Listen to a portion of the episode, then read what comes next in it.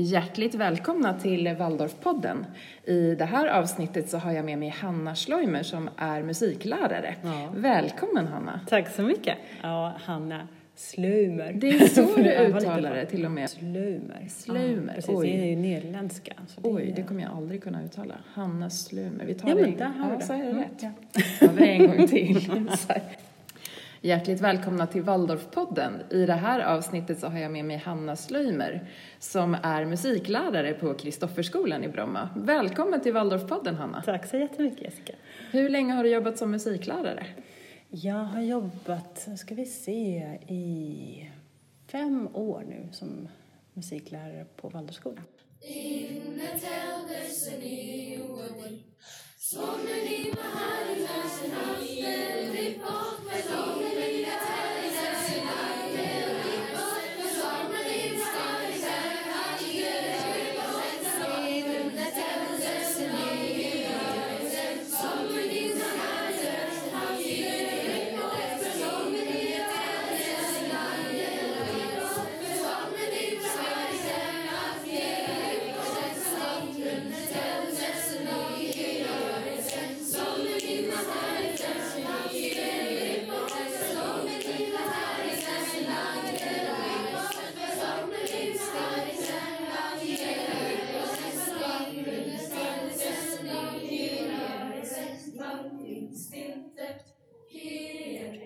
Då så hälsar jag dig då Hanna återigen hjärtligt välkommen till Waldorfpodden. Tack så mycket. Kan inte du berätta lite vem du är, hur det kommer sig att du har börjat jobba på Waldorfskola? Ja, jag är Hanna och eh, jag kommer från Holland så du kanske kommer höra, ja du hör kanske en lite brytning. Jag kom hit för tio år sedan ehm, för jag träffade en, en svensk man i, eh, i Holland när jag pluggade musikteater ja, då, ja, efter ett tag, efter ett år så bestämde vi oss tillsammans att vi skulle flytta hit. Um, men då hade jag redan min utbildning där borta i, i Nederländerna. Jag är sångerska i botten. Jag har utbildat klassisk sångerska. Um, det har jag gjort i fyra år och sen haft jättestort behov av eh, att vara mer kreativ själv. Tagit lite paus, rest till Indien, um, tagit sånglektioner i olika länder, bland annat Bulgarien. Um, och sen vill jag komma tillbaka till musiken, mm, fast mer på ett kreativt sätt. Så då blev det musikteater. Jag råkar ha en mamma som är um, regissör och teaterterapeut, så det kanske finns någonstans där. uh, som inspi ja, inspiratör kanske. Men um, jag är uppvuxen jättemycket med teater och musik. Så jag hade en pappa som, jag har en pappa som är dikt diktare, eh, ja, poet. Så. så det är mycket från barndomen, men det kom liksom tillsammans i musikteatern. Så jag gjorde det efteråt. Så jag, då hade jag pluggat åtta år, i åtta år. Sen kom vi till, ja, jag till Sverige och um, började jobba som körledare, uh, vilket jag har gjort sedan jag typ 20 år och eh, gjort länge olika körer. Och lärde mig svenska genom att eh, leda körer. Började på engelska som sa, min första kör som var Mälaröarnas kammarkör som sa nu Hanna, nu får du försöka göra det här på svenska. och det var ju lite så här, ja men ska jag verkligen stå där och leda en kör i ett språk som inte är mitt eget språk så jag kände men de var jättesnälla och lärde mig på det sättet, lärde mig svenska. Och på tunnelbanan så lärde jag mig genom att läsa, försöka läsa reklam och, och så började jag undervisa mer och mer också på svenska och leda körer. Vi eh, sitter i alla fall nu då här i musiksalen på Kristofferskolan när vi gör den här intervjun och om ni hör att det trummar i bakgrunden så är det inte några elever som är här och trummar utan faktiskt är det så att det är svensk sommar ute, eller hur Hanna? Ja, det är det. Och hur är det när det är svensk sommar? Ja, sommaren är kort. Det mesta regnar bort. Mm, och det är precis så det är. Så det regnar väldigt mycket ute och det är det som trummar här mot fönsterblecken. Men vi tänker att vi kör på med intervjun Ja, ändå. det Det kommer gå jättebra. Mm. När jag växte upp då eh, gick jag i en vanlig kommunalskola på landet i östra Holland. Och eh, då hade vi vänner och deras barn gick på en Waldorfskola. Men det var för långt från där vi bodde. Och mina föräldrar tyckte det var viktigare att vi skulle skaffa kompisar där vi bodde. Så vi började på en kommunalskola men jag har alltid längtat efter så nästan som en hemlängtan efter att få gå på, så här, på en Waldorfskola. Jag tänkte att det skulle, vara så, det skulle ha passat mig så bra och så, jag trivdes så bra i miljön och som materialet och färgerna och att jag höll alltid på med att rita och spela musik och sjunga. Så jag har alltid längtat efter det men aldrig fått göra det. Så nu tänkte jag, nu om jag ska undervisa någonstans så ska det vara en Waldorfskola. Så jag, jag eh, började då och testade. Mm. Och det var på en sexårs eh, som egentligen som resurs. Och då träffade jag en musiklärare som sa Hanna, men du är ju musik, alltså du är musiker, du skulle, varför skulle du inte så börja som musiklärare någonstans? Och då började jag på uh, Djurgårdens Waldorfskola. Mm. Och då träffade jag dig Jessica. Ja, det gjorde du precis. Men numera heter ju den skolan då Hagaskolan. Men vi har ju varit kollegor där ett par år ja. faktiskt och det ja. var ju jätteroligt. Ja. Vi sjöng ju mycket ihop med eleverna då under den tiden så det var ju fantastiskt roligt faktiskt. Och även med oss kollegor. Ja, det gjorde vi också, precis. Vi hade ju kollegiekör och har fortfarande kollegiekör ska jag säga då på Hagaskolan. Det är ju mm. någonting som många Waldorfskolor har ska vi ju lägga till. Det är inte bara specifikt för Hagaskolan utan det är ju många Waldorfskolor som har just kollegiekörer. Ja. Och det är ju väldigt häftigt att få sjunga ihop med sina ja. arbetskollegor på det ja. sättet. Så där jobbade jag två år och då, vi var så rastlösa jag och min, eh, min partner. Och så tänkte vi vill så gärna bo på landet och bo kanske i Ekoby och så vi provade ett år i, på Österlen i Skåne. Um, och då, då började jag där som musiklärare på Sofiaskolan. Det har jag jobbat ett år, men det var inte lätt att överleva eh, båda två som musiker. Så efter ett år så tog vi ändå beslutet att åka tillbaka till Stockholm. Um, och då fick jag en anställning här på Kristofferskolan. Så där är jag nu. Jag har jobbat här i två år. Jag har gått runt lite och provat på olika skolor. Och till och med på Irenskolan har jag vikarierat lite så jag har verkligen sett några mm. skolor inifrån. Men aldrig en kommunalskola. Nej. Jag vet inte vad en kommunalskola i Sverige Nej. Jag vet musiklärare som jobbar på kommunala skolor så vill du gå dit och se hur det är så ja. är du välkommen. Faktiskt. När jag blir stark, när jag blir stark som världen så stark då får jag bli hjälte och ryttare Jättespännande att höra hur du har kommit in i det här med att bli musiklärare på Waldorfskola och så. Men jag mm. tänkte komma tillbaka i alla fall till det här med själva undervisningen i sig då, För du berättade ju det att din kollega där hade sagt att Hanna, det är klart att du ska bli musiklärare. Mm. Eh, och jag vet ju utifrån att jag har varit lärare i många år att man har ju sina favoriter. Man får egentligen inte ha sina favoritperioder eller sina favoritlektioner och så, men man har ju mm. några highlights som jag kallar det för, när man verkligen känner så här, de här två veckorna, de kommer bli så bra. Sådär. För mig är det ju till exempel litteraturhistorien då i, i årskurs nio där man just kan väva in musiken också mm. på ett väldigt bra sätt i både romantiken och också i upplysningstiden. Det går ja. ju att frossa i jättebra musik under de ja. veckorna och så och samtidigt berätta om litteraturen då såklart men att kombinera både och sådär. Men är det någon period under musiken som du känner sådär att det här, ja. det, det blir alltid så bra? Ja. Det egentligen är det kan jag säga att det skulle vara årskurs fem där vi har period där vi behandlar um, Grekland och uh, vi gör grekiska danser och um, att det blir så här, vi, jag brukar inleda som vi, vi ska på en resa tillsammans och då, reser, då visar jag också på kartan vi, hur reser vi och vilket vad tar vi i båten eller hur reser vi dit? Och då är ja, en resa till Egypten, um, det gamla Egypten och vilka instrument som, som fanns på den tiden. Vi fortfarande har sådana instrument och det är alltid väldigt levande för vi har vissa instrument här i klassrummet som vi kan då använda. Det blir levande genom att dansa äh, grekisk dans. Och, um, men också Indien, det är också någonting jag gillar jättemycket. Att gå på resa till Indien och så råkar jag ha en partner som är faktiskt indisk flötist. Som han, han spelar bansuri-flöjt. Så han kommit i skolan någon gång också och eh, spelat för eleverna och berättat. Och då har jag också lite olika övningar, att man verkligen är i Indien och sätter sig på golvet jättelänge och berättar om olika så här, raga, eh, att det är inte moll och dur längre utan att morgon, morgonraga, det är som vi upplever som moll, men det är inte Indien. Och att man ska sitta och hur man övar hur man övar sång i Indien. Att man första så här, som lärling. Att man um, till exempel sitter och sjunger en ton och att eleverna får prova på hur det är att sjunga en ton jättelänge. Eh, så det, det är lite min så här, favorit Men jag verkligen gillar att det blir så levande och eleverna i den åldern är helt med. De gillar ju liksom sitta och lyssna och vara med aktivt och dansa och spela och ställa frågor. Och, ja och sen har jag, så gör jag ett hopp fram till gymnasiet. Där har jag också favoriter där, för jag har ju gymnasiekör. Och det är inte så vanligt på alla valskolor att man får ha en kör där hela gymnasiet ingår. Vilken linje man än går så är, det, så är man med i kören.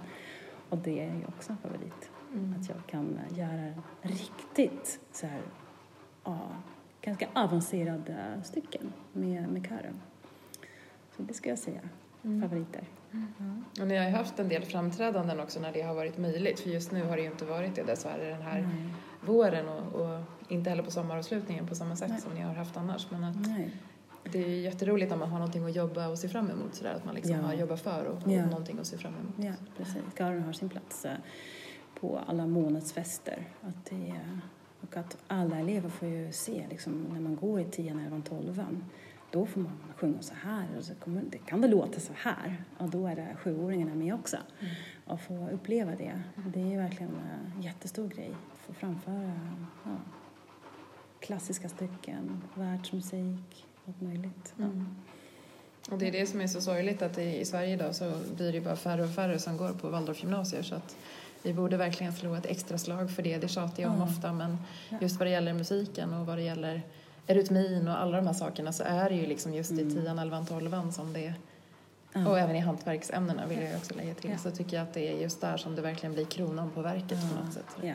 Men jag tycker att när jag ser våra gymnasieelever att jag tycker verkligen att jag ser väldigt um, självsäkra, helt egna individer som uh, mår väldigt bra i skolan och som ser att de får verkligen få vara sig själva. Att de, hur de än är och hur de klär sig och vad de tycker och tänker att, att det är helt okej. Okay.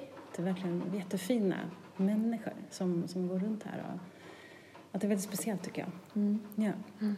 Ja. Och ändå har inte alla gått heller i Waldorfskola ända från början utan det är ju ja. faktiskt flera som börjar just ja. i årskurs 10. Ja. Och, de... och blommar ut tycker jag. Ja, jag tänkte säga de kommer snabbt in i det också. Precis. Ja. Så kanske inte alla är beredda på att de ska vara i kör, men är liksom natur. Uh, man ska också vara i kör. Det vore ju roligt att höra lite grann om det är olika teman också för de olika årskurserna. Jag tänker att du undervisar ju så pass många olika åldrar. Mm. Hur tänker du kring teman och också att knyta ihop, dem, alltså att knyta ihop temana med årstidsfester och sådär? Mm. Um, ja, knyta ihop teman, det vet inte jag om jag direkt kan ha ett svar på. Men jag kan berätta lite vad de olika årskurserna gör. Och vissa årskurser ansvarar för olika månadsfester. Eh, sen kanske vi kommer till det här med hur det knyts till temat. Ehm, men årskurs tre till exempel, de har ju Mikaeli. Och då är det inte bara årskurs tre här i skolan utan det är också årskurs tio som får vara med och spela de här rören, rörklockorna som eh, där hela Mikaeli-spelet börjar med. Och så det, vi har ju flera paralleller här. Så det, förra året var det tre årskurs alltså tre klasser i årskurs tre som ansvarade för det. Eh, och det blir ett stort spel. Um, men också det här temat, eh, tänker jag. Vad är egentligen Mikaeli? Och vad, liksom, det är inte bara i årskurs tre man börjar fundera på liksom, vad det är. Liksom, det börjar redan med sexåringarna som får uh, vara drake, eller förskolan till och med. att man spelar Mikaeli på ett liksom, förskolenivå sätt. Jag har tänkt också, vad är det då just i årskurs tre? Jo, det är det här nioårsåldern. Att man går in i så här, vem är jag och eh, döden. Och liksom, det finns den här fasen där man börjar tänka på, på det också. Mörkret och ljuset och att jag är jag och du är du och att vi skiljs. Liksom, vi är olika människor, olika individer. Och um, att, där, att det passar så bra med Mikaeli, där man verkligen går in i den sagan. Och uh, också med döden och bekämpa det mörkret. Och, um, så där är det verkligen ett tema som passar bra i, um, ja, i den månadsfesten som nästan, ja, läsåret börjar med. och så har vi jag har inte den årskursen, utan jag börjar med årskurs fem. Då har vi inte direkt någon uh, en månadsfest där de liksom ansvarar för. Men sen har jag till exempel årskurs sex. Um, för i årskurs fyra har de då Lucia, men det är inte heller jag som har dem just de här åren. Men då har jag årskurs sex och då börjar vi också med läsåret med ja, det är, ni har ett ansvar här nu. Ni ansvarar för något jättestort. Och det är, på den här skolan är det Lycktåget. Um, ehm, och det är inte bara för några um, vårdnadshavare, föräldrar eller nära och kära utan det är, vi har här så här jättestor novemberfest så det är fullproppad sal. Och salen här ligger i mitten i skolan, så skolans centrum är den här stora scenen. Eh, och eh, publiken, det är en jättestor eh, hall här, aula. Så då är det något stort som har verkligen sett i alla år hur sexorna har stått där och eh, gjort sin egen lykta. Så det, eh, det, är, det är det vi gör jättemycket, det här att sjunga i sexan. Det är verkligen står där i centrum, att flerstämmigt och, och att, att bära det som den månadsfesten. Um, och jag märker att de går igenom den här förpuberteten och det börjar sig ifrågasättas och då liksom eleverna står lite mer i centrum och tycker att de har en massa rättigheter men kanske inte direkt skyldigheter. och så får de ändå ta det så att de har en skyldighet, de måste stå där, där på scenen och då står de med så här pirr i magen och och föräldrarna kommer och det är inte, det är inte, det går alltid upp, lite upp och ner liksom processen dit. Um, att uh, lära sig gå med en lykta, hur man går tillsammans, att samarbeta. Eh, det är inte liksom eurytmilärarna med inblandade, så hur går man och eh, eh, vilken form gör man? Som hur går man från liksom, de här, det är som en balkong där, så hur går man ner genom trapphuset fram till stora scenen? Så det är jättearbete. Det är inte bara att stå och sjunga, det är så mycket mer än det. Att, att både hålla i sin lykta och bära ljuset i mörkret. Um, och sjunga flerstämmigt. Och eh, det är också så att de står ganska långt från varandra. Det är en sån stor slinga. Det är inte som en eh, kör där man står nära varandra, lätt att höra varandra. Det är också en, en, en jätteövning att stå och hitta sin, um, alltså, sin säkerhet själv. Att man kan verkligen sin stämma, även om man står jättelångt bort från andra som har en annan stämma. Um, så vi övar, ja, vi kan säga att vi övar två månader på det. Så spelar vi också flöjt samtidigt, men det är mest sång som, uh, som vi fördjupar oss in i det där uh, så man kan stå där och, och sjunga. Mm. Ja. Det är en perfekt eh, årskurs ändå att göra sådana här saker med, tänker jag. När det mm. just är det där, liksom, som du säger, gränsen till att komma in i det pubertala ja. helt och hållet. Så. Men, ja, det är lite för pubertalt för några och sen ja. vissa är redan där, liksom ja, inne i, i puberteten. Ja. Och att just då ta det där ansvaret som du pratar om. Att vara, det är en balansgång. Det är lite som när man kommer upp i åttan sen och ska göra åttans spel. Då är det ju samma precis. sak. Att är jag redo eller är jag inte redo? Så. Ja, ja precis. Och så jag märker också när de börjar i sexan, då är det fortfarande lite från femman kvar. Så då har inte det här liksom, ja ska vi verkligen stå och sjunga, ska jag stå och låta? Liksom, det är inte riktigt där än. Man märker på våren, då börjar det komma lite, så börjar de tysta, liksom, tystna lite av vad, det, då är liksom den kraften här fortfarande håller på att försvinna. För att det, liksom, det blir mer så här, ja men jag vågar inte riktigt sjunga. Och då får man jobba på det, liksom att våga sjunga ut. Och vi har ju gjort det här, ni kan ju det här. Ni har visat, nu är det bara att fortsätta. Ja, mm. det, det, är speciellt. Och sen i sjuan är det ju karneval.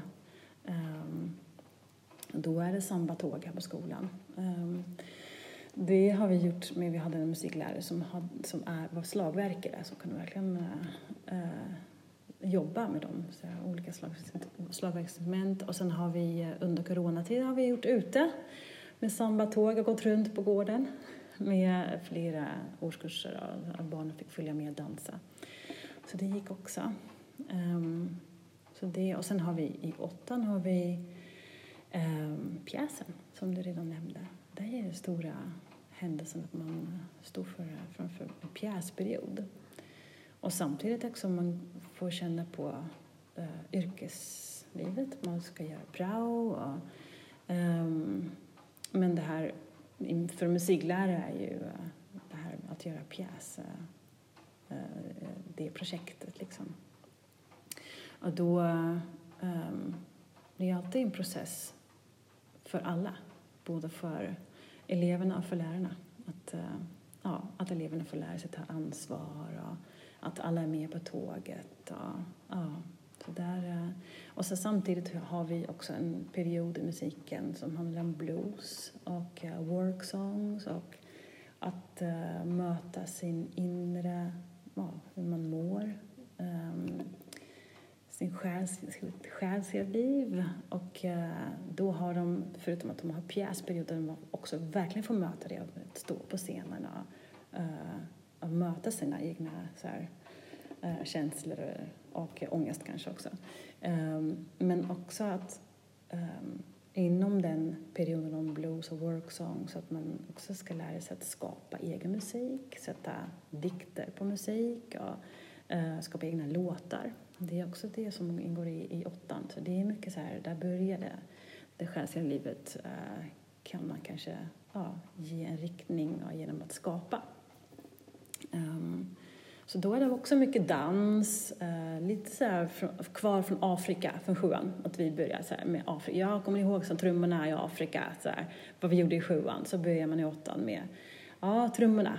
Där började ju liksom, uh, ja, och sen slaveriet och um, in work songs och dansa, spela, mycket trummor och, men uh, också spela gitarr, piano, bluesskala, blues-tolvan. Um, så det är mycket som händer i åttan. Ja.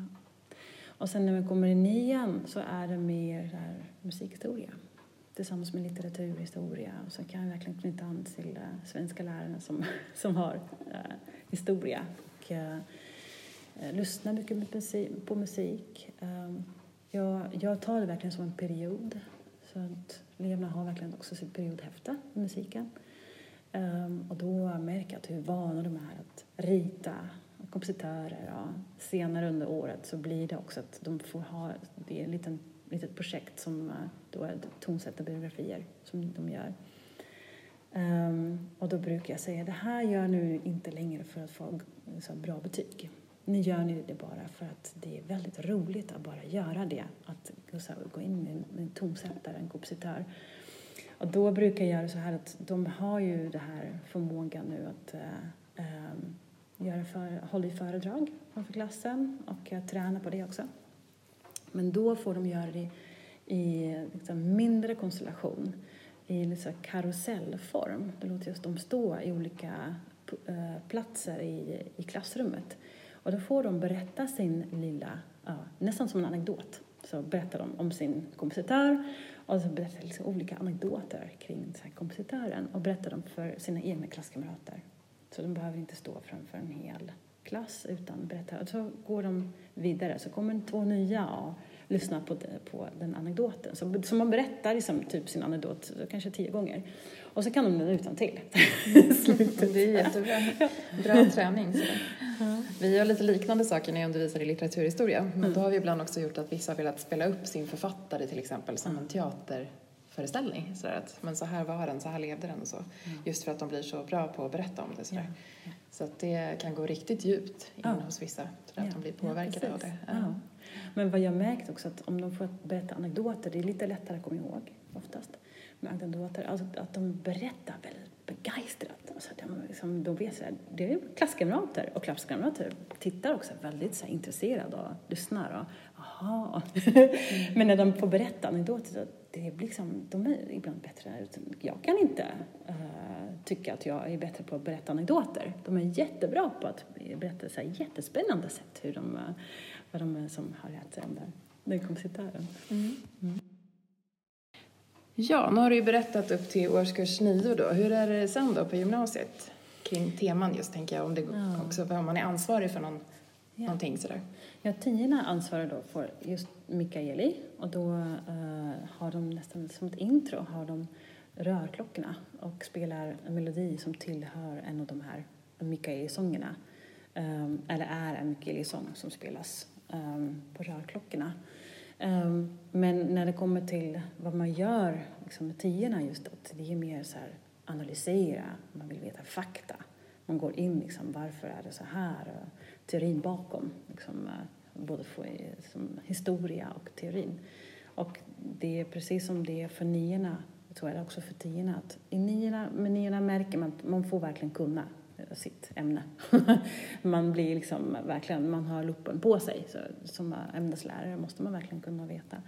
Och eh, i tian eh, fortsätter det, men man märker att det är någon skillnad där. För man, de eleverna som kommer eh, i tian, de kommer att, för de, för de har valt att vara i en Waldorfskola.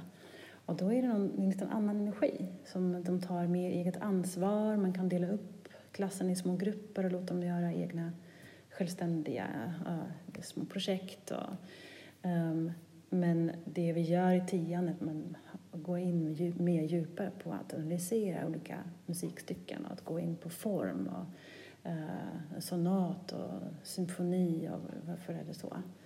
Eh, samtidigt som man också spelar mycket tillsammans eh, i mindre ensembler. Och när man går in i elvan då är det också mycket körverksamhet och de sjunger ju också i gymnasiekören. Eh, det är inte direkt att de ansvarar för något, um, men man går mycket mer in i det, liksom kanske som man gör i åttan, att man går in i så här, det själsliga igen. Att man låter det vara det här, analysera och teori och att man går mer in i så här, vad gör det här musikstycket med dig och varför, hur, vem har skrivit det här och vad var det för, ja, känslor bakom. Um, att man uh, går lite in på vad, om du skulle vilja skriva ett stycke, vad, vill, vad skulle du vilja skriva? Uh, komponera och improvisera. Så där börjar jag med, älvarna börjar jag då improvisera på ett sätt som jag själv har lärt mig, som är Kanske inte alla musiklärare gör det, men det är ett sätt som jag har fått i min utbildning som är väldigt roligt, som jag kallar för Voicestra, eller som kallas för Voicestra, som är en metod som har utvecklats av Bobby McFerrin. Um, och Bobby McFerrin, han är ju känd för Don't worry, be happy, mm. uh, som han har tröttnat på för länge, länge sedan. Mm. Han kan inte höra låten själv. uh, men han har gjort så mycket mer än det. Han har verkligen utvecklat uh, röstimprovisationen. Så han har utvecklat en metod som, man, som går jättebra att använda med stora grupper um, och utmärkt med klasser.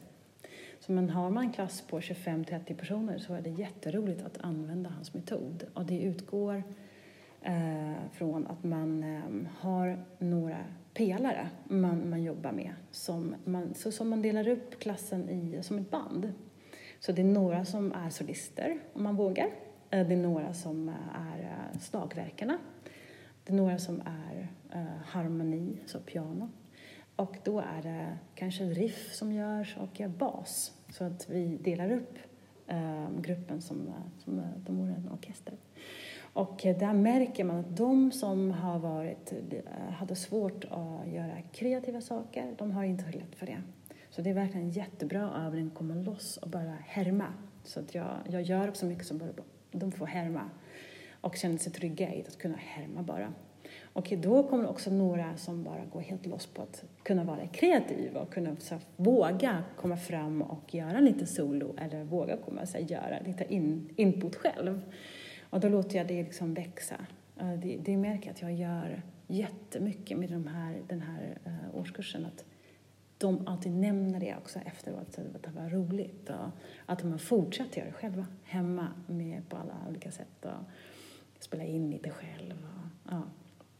Så det gör jag mycket, så här, sång och improvisation och skapande. Um, och sen i årskurs 12 så brukar jag säga att nu blickar ni tillbaka på sätt och vis. Vad har ni gjort i alla år här på skolan. Om ni har gått här eller någon annan skola. Um, och då vill jag gärna att ni hittar er, egna, er, er egen styrka. Vad ni är bra på och vad ni vill med musiken. Uh, vad vill du med musiken? Vart hittar du din flow? Och vad är du bra på för instrument? Du behöver inte kunna allt och då berättar jag också. Då är de mogna också. Att jag säger att jag kan inte allt. jag brukar säga tidigare också, men då kan jag verkligen säga jag står inte här för att jag kan allt.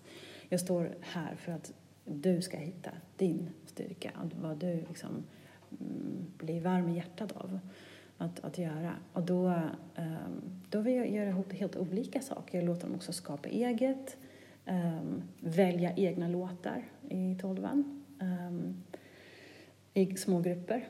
De kan också verkligen ta det ansvaret och göra något verkligen tillsammans. Så då har de också sin pjäs igen mm. i tolvan. Så det är också ett jätteprojekt där som jag också ser att de, jag kan släppa iväg dem och säga nu ska ni göra det här fyrastämmigt. Ja, varsågoda, här är stämmorna. Jag spelar in dem och ni övar.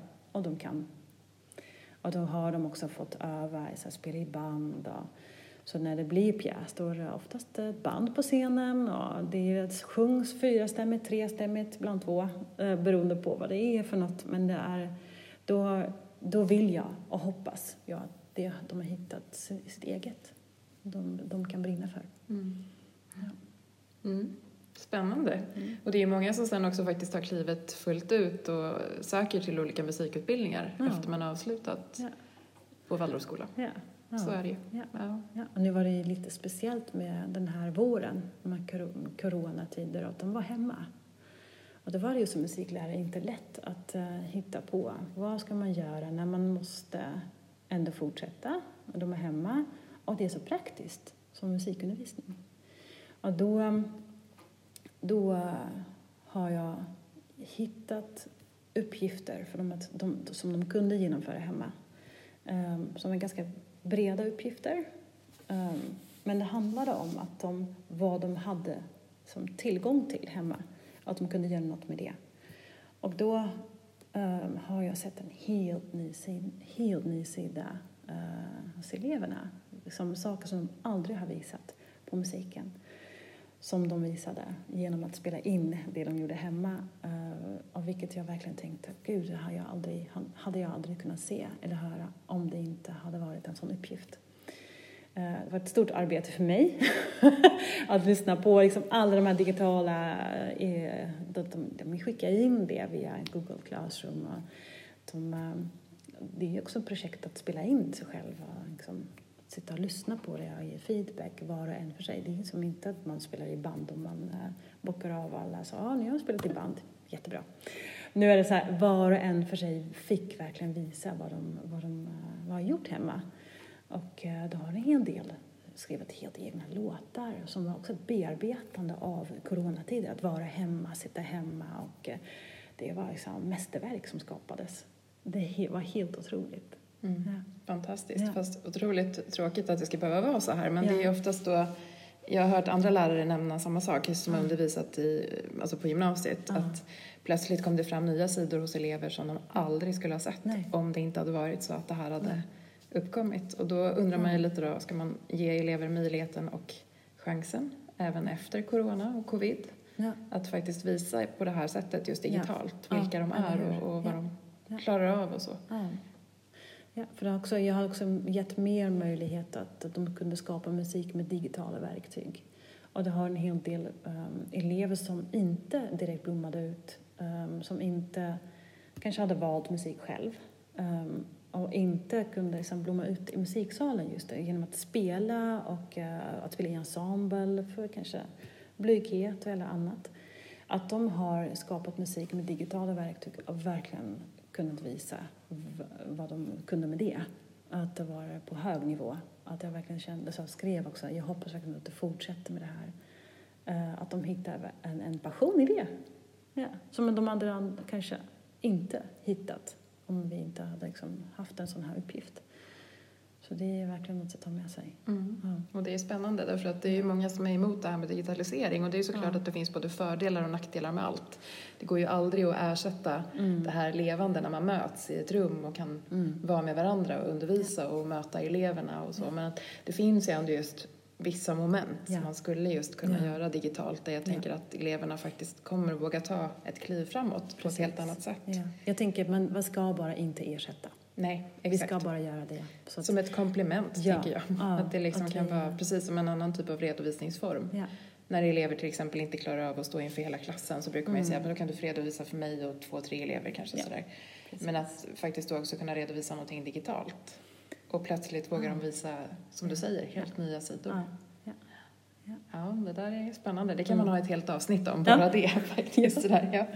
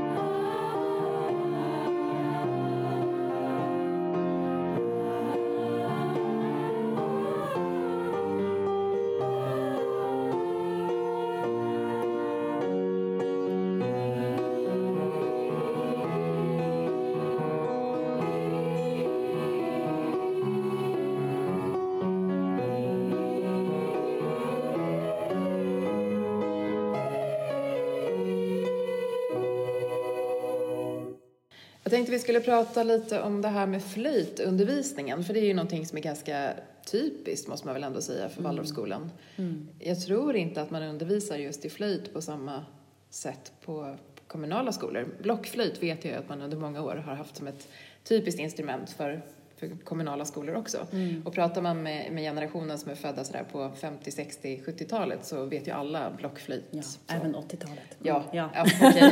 ja, precis. Men jag tänker just om vi kommer till korojflöjter då som ja. vi använder i Waldorfskolan så är det ju, skulle jag säga, inte någon mm. annan skolform som använder det. Nej. Hur pass mycket undervisar du i sådana saker? Ja, jättemycket. Ja. ja, jag, jag jobbar, jag börjar med femmorna då och då börjar vi direkt med fyrastämmig flöjt. Men de är ju vana med att spela flöjt. För de börjar redan som sexåring med eh, en flöjt som ett, ett hål. Um, och då lär de redan där att uh, hur vacker flöjten är, en jättevacker träflöjt, hur man tar hand om sin flöjt, hur man värmer flöjten i händerna, um, hur man, ja, hur man spelar, att eh, ha så fingerkänsla för det här ena hålet, hålet. Eh, men också att eh, kunna sjunga och spela samma sång. Att man lär sig först sjunga sen och så lär man sig spela sången och det är ju där redan med ett år som det går jättebra.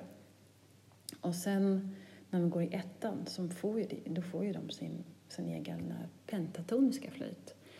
Um, och eh, ja, i Waldorfvärlden är det ju väl, välkänt. Jag behöver kanske inte berätta så mycket. Förutom att när jag kommer som musiklärare och har köpt nya pentaflöjter och kommer att dela ut de här flöjterna för jag har uh, privilegium att göra det.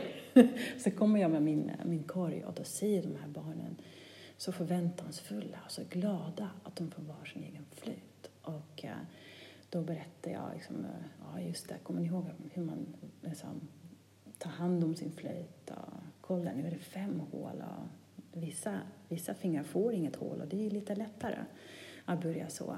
Um, att de börjar med sånger som, som, som är lite lättare, som går lätt i gehöret. Um, och sånger som kanske ja, härstammar från olika delar av världen. Um, som kanske, kanske härledas till indiansk uh, eller sami, uh, samerna, uh, sångerna. Um, så det, där började ju ettan med, med pentaflöjterna. De är så, så um, stolta över sin flöjt och så får de ju också göra sin egen fodral. Och då är det en extra sak att man gör en egen fodral som är för din egen flöjt. Och då är det, då fostras det här att man verkligen tar hand om ett instrument redan från ettan. Och det har man ju inte i alla skolor. Nej, att ha det. inte. Ja. Och så när det är inte, det är inte ett billigt instrument, det är verkligen ett väldigt värdefullt instrument som är väldigt vackert. Um, och föräldrarna får ju också skriva på ett litet kontrakt. Så händer någonting, äter man upp sin flöjt så får man köpa en ny. eller tappar man bort eller händer någonting. För det är verkligen, eh, väldigt Så, eh, nu har jag turen att jobba på den här skolan att kan verkligen köpa in till alla elever. Det är fantastiskt att vi kan ha alla elever att ha sin eget, sitt eget instrument hela vägen upp till åttan. De har, de har sitt eget instrument, ta med sig hem till klassrummet. Eller ja, hem kan man också göra, men också till klassrummet ha i sin bänk och uh, ha sin lilla så här, burk med fett och ta hand om hela vägen upp till man är 14 år. Mm. Um, och det är no någonting att, att, uh, att, vårda, att vårda, ta hand om ett instrument, det är kanske i, i Sverige inte så um, vanligt, för man får ju mycket för givet. Man får ju pennor, man kan tappa bort en penna så får man en ny penna. Man får ett häfte, man kan tappa bort häftet så får man ett nytt häfte. Eh, jag som kommer från Holland tycker inte alls att det är så här. um, självklart att man i Holland får man köpa eget. Så får man lära sig ta hand om sitt eget, för man köpte ju själv. Men här får man då en flöjt som ändå är någonting man får av skolan, men det är någonting verkligen som man, man har och, och man måste ta hand om det. Så det är ett, ett, ansvar man får där och det, det märker jag att de, de lär sig där. Um, och sen om, här på skolan så har man pentaflöjten ett tag upp till fyran och då byter man från pentaflöjt till um, C-flöjt. Det är också en korojflöjt, fast då har man ju C, eh, barockflöjt. Och då märker eleverna att just det, de här sångerna vi har sjungit i alla år, de kan man spela på flöjten. Då är det inte bara de här pentatonska sångerna, nu kan man spela allt. Eh, och då är det den glädjen som kommer, liksom, oh, vi kan spela allt på min flöjt. Och men flöjten är ju också ett sånt enkelt instrument, enkelt instrument som man kan, det man hör kan man se. Liksom att hålen, när man lyfter sina fingrar så blir det ju ljusare toner. Och att man förstår liksom att eh, det här med att det fysiska, att flöjten, hur det sitter ihop, liksom det man spelar, att man hör. Eh, det är mycket svårare med piano. Där sitter det så här ljumt. Eh, men med en flöjt, det tycker jag därför att det är så bra med flöjt i början. Att eleverna förstår liksom det man gör. Att det ligger så nära rösten också. Uh, jag tror också det är så med stråkinstrument, att det ligger väldigt nära rösten. Och det är en av, flöjten är en av de allra första instrument som har funnits sedan människans eh, begynnelse. Att det är trummorna och flöjten, det är så ur, urinstrument. Um, och när de går i femman, då händer det något nytt. För då får de varsin egen flöjt, fast inte alla får samma flöjt. Man får välja så gott det går, så får man välja. Då får man antingen basflöjt, en tenorflöjt, altflöjt eller en sopranflöjt om man gärna vill fortsätta med det. Men eh, som du själv kanske som är Waldorfbarn vet så slåss de mesta om de här stora flöjterna. Oh ja, säger jag. Jag har just avslöjat det innan vi spelade in här att jag ville gärna spela på basflöjten, men ja. det var inte alla gånger man fick det. Nej, nej. precis. Nej. Eh, men här, här får man sin egen flöjt. Man, jag pratar också med eleverna, vilken flöjt vill du ha? Och då får vi ibland så byta när man har liksom provat på lite. Ehm, men eh, jag märker med de elever som går i femman, de har ju ganska små händer. Och basflöjterna, tenorflöjterna är stora flöjter och eh, ganska långt avstånd mellan hålen och klaffarna, så det är inte så lätt. Så de kämpar ganska mycket i femman med att bara hålla för alla hål. Och, eh, så att det inte piper hela tiden, att det låter bra. Så det är en process i sig, i sig själv, att, att låta dem så vänja sig. Att, ja, men det, ja, men i början låter det inte alltid så bra, det behöver inte låta så bra. Du har flera år på dig att lära det här stycket. Och det har vi på de här eh, månadsfesterna har vi vissa stycken som alltid kommer tillbaka, samma stycken. Så de vet om jag inte kan den nu så kommer jag göra det, fortsätta med det nästa år. Och de kommer känna igen sig. Och eh, då är det på Kristofferskolan så att vi, vi sätter ihop alla elever från fyran upp till eh, åttan och spelar de här eh, flöjtstyckena fyrastämmigt med alla elever. Så det är hela salen fullt med elever som ställer sig upp och då står jag som musiklärare på scenen och dirigerar. Och det är en, en, en upplevelse i sig, att, att verkligen känna nu, jag, behör, jag kommer inte låta jag bara, jag låter med alla andra. Och det är så, som ett hav av flöjt. Eh, ljud. Och det är verkligen eh, någonting jag ser att de ser fram emot, bara det.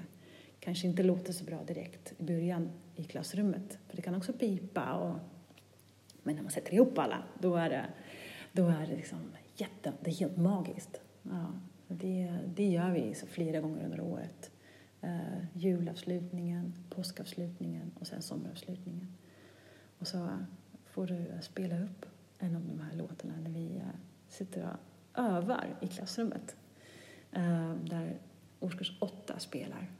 Um, och det är sista, då sista gången att de spelar. Och de tycker att de tycker det är lite roligt att jag spelar in dem. Sen säger jag också det här är allra sista gången att ni spelar det här stycket.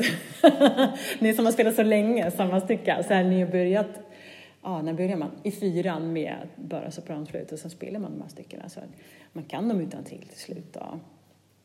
Uh, för vi spelar ju annat också, men de här att, att, att, att spela in det är lite roligt för det, liksom, det är lite som en ritual. Om man säger nu sista, sista gången och så gör vi annat nästa mm. år. Då tycker de också är okej. Okay. ja, precis. Och det är där är också bra att komma ihåg att det är inte bara flöjt vi låter eleverna Nej. testa på utan de får ju såklart prova på som du har nämnt tidigare trummor, fiol och ja. ja. väldigt många andra instrument precis. också. Ja. Men, men flöjten är ju ändå väldigt, väldigt speciell ja. sådär på något sätt. precis. Men det är bra att, att, att byta Alltså jag menar varva lite mellan olika instrument. För bara flöjt står inte liksom eleverna, varken jag eller eleverna, ut med att bara spela flöjt. För det är också det är ett visst diskant också i det. För att man behöver vila öronen från det också. Mm. Så det är bra med det. För vi har kontrabaser och vi kan spela ensemble och vi har marimba här i klassrummet och, och piano och ukulele och gitarr. Um, och lyror. Och så vi har väldigt många olika instrument. Så det tycker jag, de är väldigt roligt att, att prova på. Andra instrument också. De, de kommer gärna in i klassrummet och springer till uh, olika instrument och börjar spela, vilket de inte får, men de vill gärna göra det. Gör ändå. Så, det, ja. Sen tar de gärna med instrumenten tillbaka också till ja. annan undervisning har jag ja. märkt. Så att gitarren finns ofta i klassrummet. Sådär. Men det är ju väldigt trevligt när de spelar på raster och så till exempel, kan jag tycka är väldigt roligt faktiskt. De knackar på varje dag. Hanna, får jag låna en gitarr? Ja, det får du. Kommer du tillbaka? Ja, ja.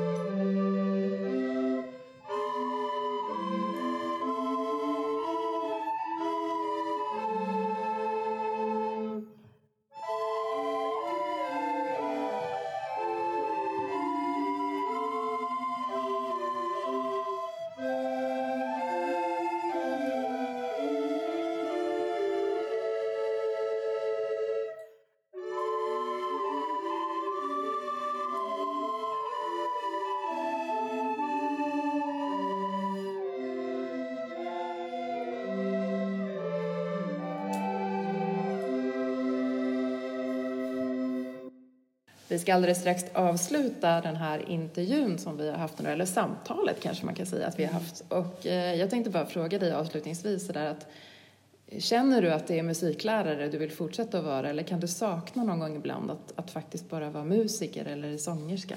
Mm. Um, ja, ibland saknar jag det. Um, men jag känner mig väldigt tacksam att jag just får jobba på ett gymnasium också där jag uh, kan jobba på väldigt hög nivå. Så när jag saknar det, då är det väldigt sällan.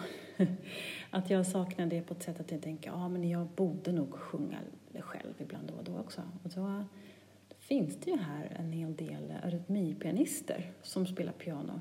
Och så har jag en partner som också spelar och kompar. Eh, så jag har lite olika konstellationer som jag spelar med och eh, eh, faktiskt övar på ett repertoar som vi ska framföra efter sommaren som är eh, så här, franska chanson. Så jag är verkligen eh, en, eh, en världsmusik, folkmusik, sångerska. Um, så det, det kommer jag att göra och det är verkligen ett jättefin komplement till, till allt jag får göra här. Um, men jag känner jättestor glädje och tacksamhet att få vara här och uh, ha den här stora scenen att tillgå till och um, jobba på så hög nivå. Ibland säger jag också till, uh, till kollegor, att, uh, eller klasslärare som har klasser som jag har i musik, att ja, tyvärr så måste jag meddela att de här eleverna har ju så otroligt höga betyg och det är ju lite konstigt nästan, men jag kan inte göra något åt det. Och så sa klassläraren alldeles, uh, alldeles nyss, ja men Hanna, men det är ditt problem. mm. Ja. Mm. Ja. Och det är lite så det blir. Alltså, ja. om, om man är engagerad och entusiasmerande så, mm. så blir det ju att eleverna hakar på det på något sätt. Sådär. Mm. Man ska ge dem lite utmaningar tror jag. Lite snäppet över vad de egentligen kanske skulle Precis. kunna sådär, klara av. Då brukar det bli lite av en morot kanske. Så. Jag har um, forskat, eller så kan jag säga forskat. Jag har skrivit en uppsats om uh, flow och hur man uppnår flow i musikundervisning och hur man uppnår en känsla av flow hos elever men också hos sig själv som lärare. Um, och då har jag själv sen tittat mycket på vad är det som gör att eleverna upplever flow eller flöde i det, i det de gör så att de verkligen kan känna inifrån att de känner en inre motivation att göra någonting. Um, och det är liksom det som driver mig i musikundervisningen men också jag märker att det kan driva eleverna framåt och vidare. Att uh, vilja göra någonting som uh, jag inte säger att nu ska vi göra mm, bluesperioden utan att jag frågar eleverna varför kan blues eller veta mer om blues och vad som ligger bakom hela historien. Varför kan det vara viktigt för ditt liv? Och de tittar de med stora ögon för de har inte ofta hört den frågan. Varför är det viktigt för dig? Kan du tänka själv? Varför är det viktigt att vi gör det här just för dig? Mm. Ja. Och det där är också en, en, fråga som man verkligen kan bära med sig sen. Sådär. Vad mm. fick jag ut av just det här momentet? Ja. Eller ja. är det någonting som sitter kvar i mig i flera år mm. efteråt? Sådär. Vi har ju haft ett tidigare avsnitt i Waldorfpodden, ska jag bara nämna då, där Ulrika Nybeck har varit med. Mm. Och hon pratar också just om flow och att det är ganska vanligt i Waldorfskolan just att eleverna hamnar i det. Sådär. Ja finns ju eh, vissa som har forskat på det också. Så, där, så att det ja. mm, kan man lyssna på också så här i efterhand, mm. om storytelling bland annat. Ja. ja. Stort tack Hanna för att jag fick komma hit till musiksalen på Kristofferskolan ja. och intervjua dig och nu, nu skiner solen ut igen ja, här. Så som ni hör så har det inte trummat i bakgrunden här på ett tag nu men det är så med vädret. Det kommer och går. Ja. Och eh, jag önskar dig stort lycka till med höstens undervisning och så får vi väl hoppas att det här covid och corona-eländet ger med sig. Ja, så att eh, gymnasieeleverna nu kan komma tillbaka ja. ordentligt så, och verkligen få ha just det här som vi pratade om, den riktiga undervisningen men också kanske då fortsätta med det digitala som ett komplement. Då, då. Tack Jessica. Tack så mycket Hanna. Ha det så bra.